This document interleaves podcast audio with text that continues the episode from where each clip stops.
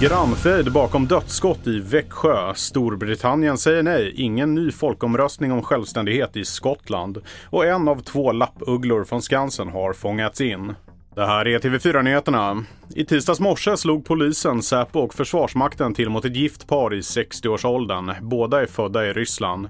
Mannen misstänks för grov olovlig underrättelseverksamhet mot Sverige. Vi hör underrättelseexpert Joakim von Brauns teori. Det är ett antal människor som har gripits runt om i världen för att de smugglar högteknologi till Ryssland.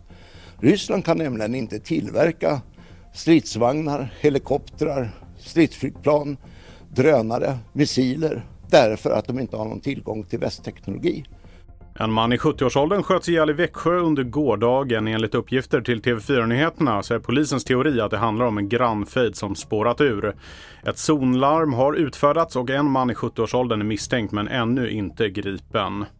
Skottland får inte ta initiativ till en ny folkomröstning om självständighet. Den makten ligger hos regeringen i London har Storbritanniens högsta domstol slagit fast.